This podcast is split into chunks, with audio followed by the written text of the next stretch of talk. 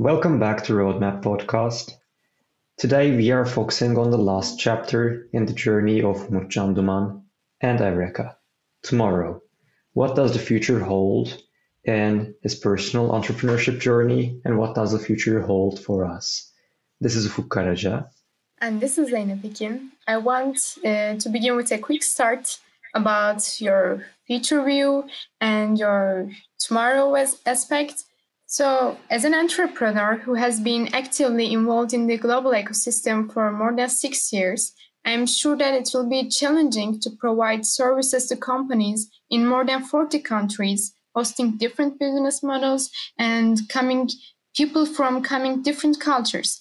As Evreka, how did you ensure rapid adaptation in the agreements and services you provide in different countries? And I also uh, add one more question with that: Did you consider these variations uh, of changes and uh, these uh, differences shaped your perspective to tomorrow?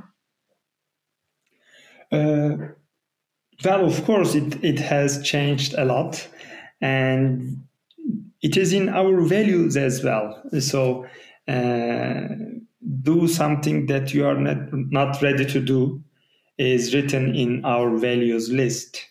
Uh, so we were not ready to change our perspective. We were not ready to work uh, in different countries. And of course, the first uh, country was difficult, then second comes easier, but it not it is not going in that way because like the tent can be another challenge like 20 can be another uh, bigger challenge. So always be ready for the different challenges. It, this is uh, like one hand. And uh, so different clients can be different uh, stories as well because like if it is a small uh, companies they cannot ask that much. But if it is like an enterprise uh, client so they so they have different asks. So you have to obey their rules. And so in order to satisfy them we had to study a lot. This is not only from the product point of view this is like legal this is also uh, commercial. So, so this is like being an entrepreneur. So we we are learning on the way all the time. But what we have changed so we said that okay this is going to continue like that but we need to add experienced people to the team who knows or who have experienced these kind of processes before.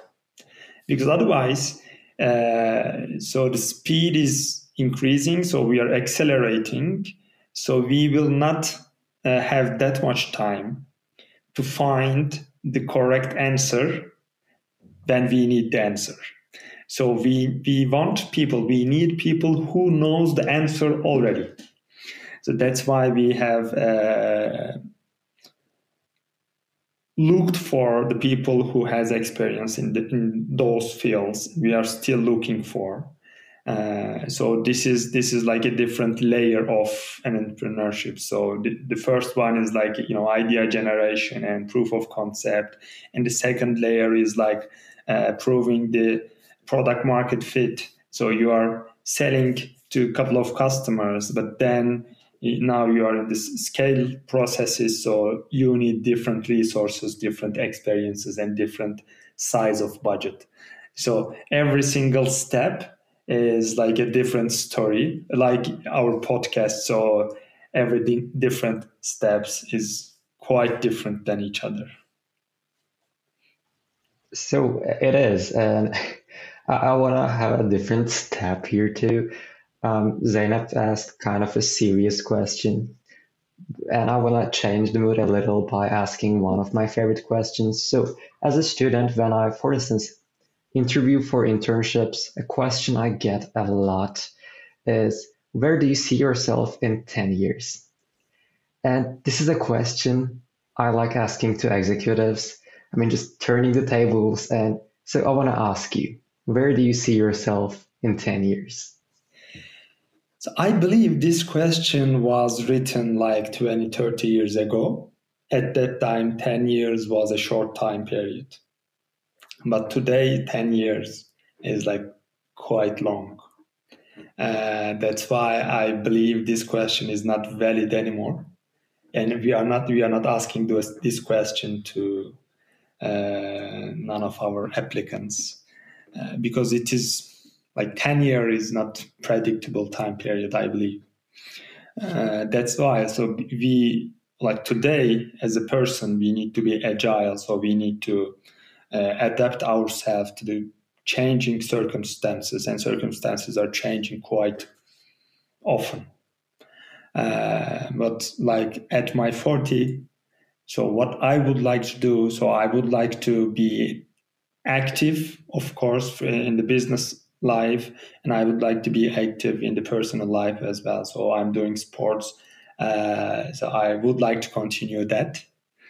Uh, so for me like the definition of success is having the balance in the life uh, so if i have the balance if i can manage that balance uh, i'll be happy at my 40 as well but i don't know what i will do uh, but I know I will have the balance.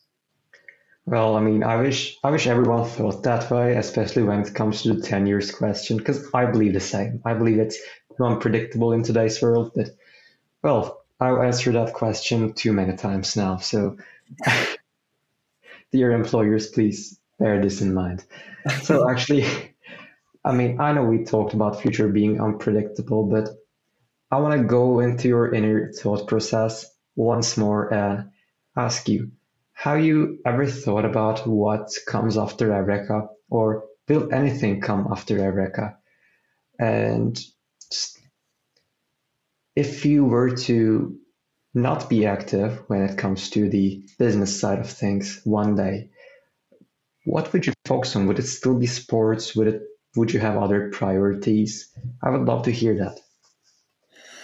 So after Evreka, uh, let's say, so I can I can maybe start one another uh, business because I really like working. So it is nice for me to uh, start. And if you have that feeling inside, you cannot stop that. So uh, you will for sure run after that.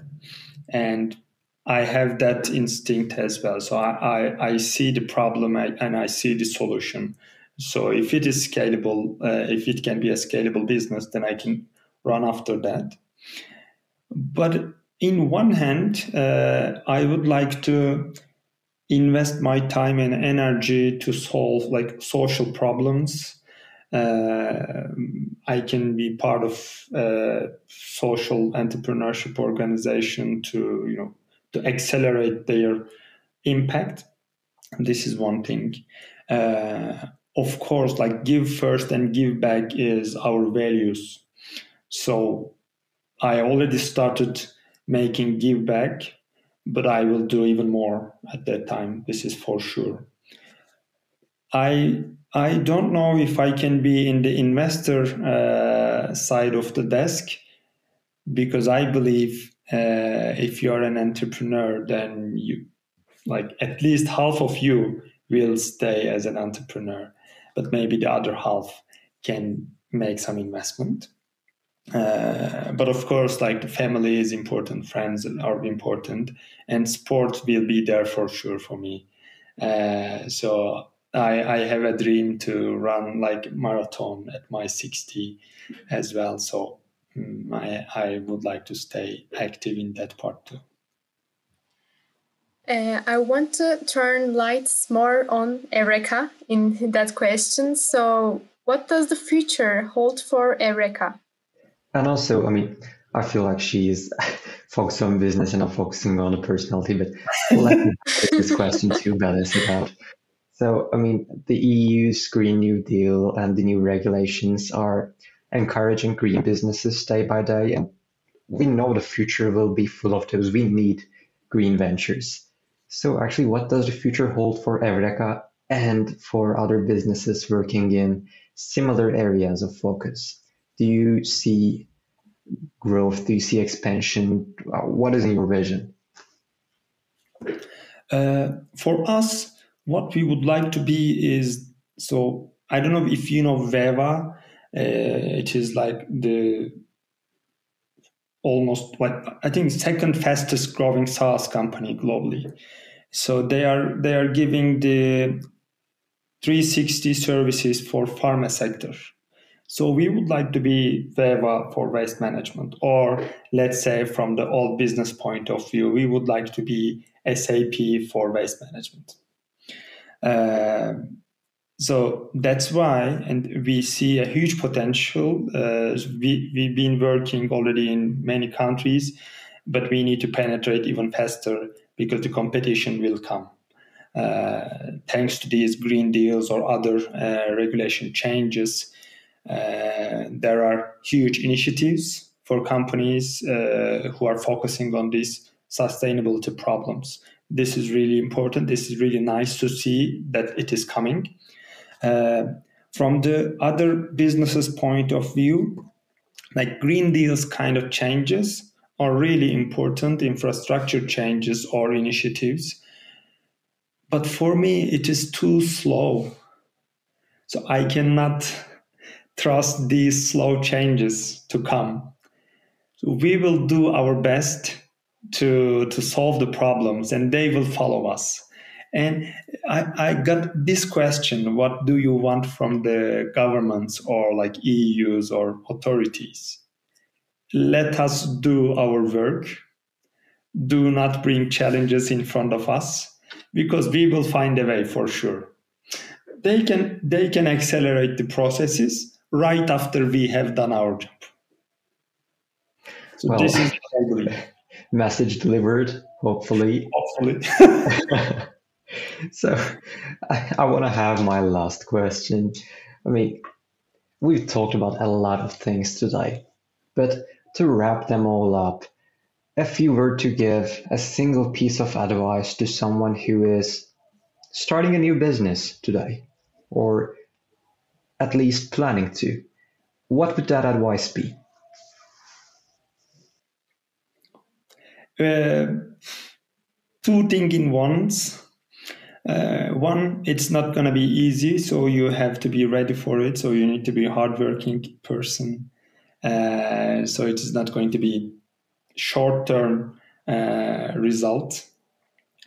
And the other one, uh, we are we have missing this reflex, I would say.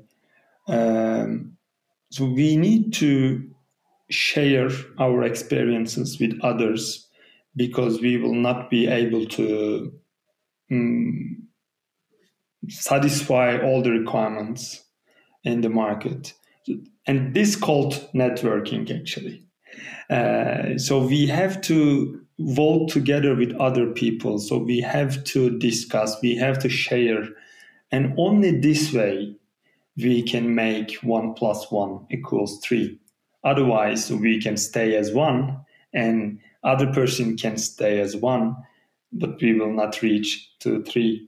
Uh, at the end of the day, we will be uh, sitting on the desk and saying that it was not easy to be successful because of this, this, and that, because of us. So we need to be open to network. Well, I mean, that's a great piece of advice, and I think we too will keep that in mind, especially the one plus one equals three part. Uh, let me tell you, I, I, will be using that one from now on because it's it's a super cool uh, way of telling things. So thank you today for everything you've told, everything we've talked about, and thank you for being here. Thank you for uh, making the time to talk with the youth about entrepreneurship, about your journey. So it was my pleasure. So, if you fellow listener. If you want to hear more of these stories, please don't forget to subscribe to Roadmap Podcast and stay in tune for the new episodes. Cheers. Have a good day.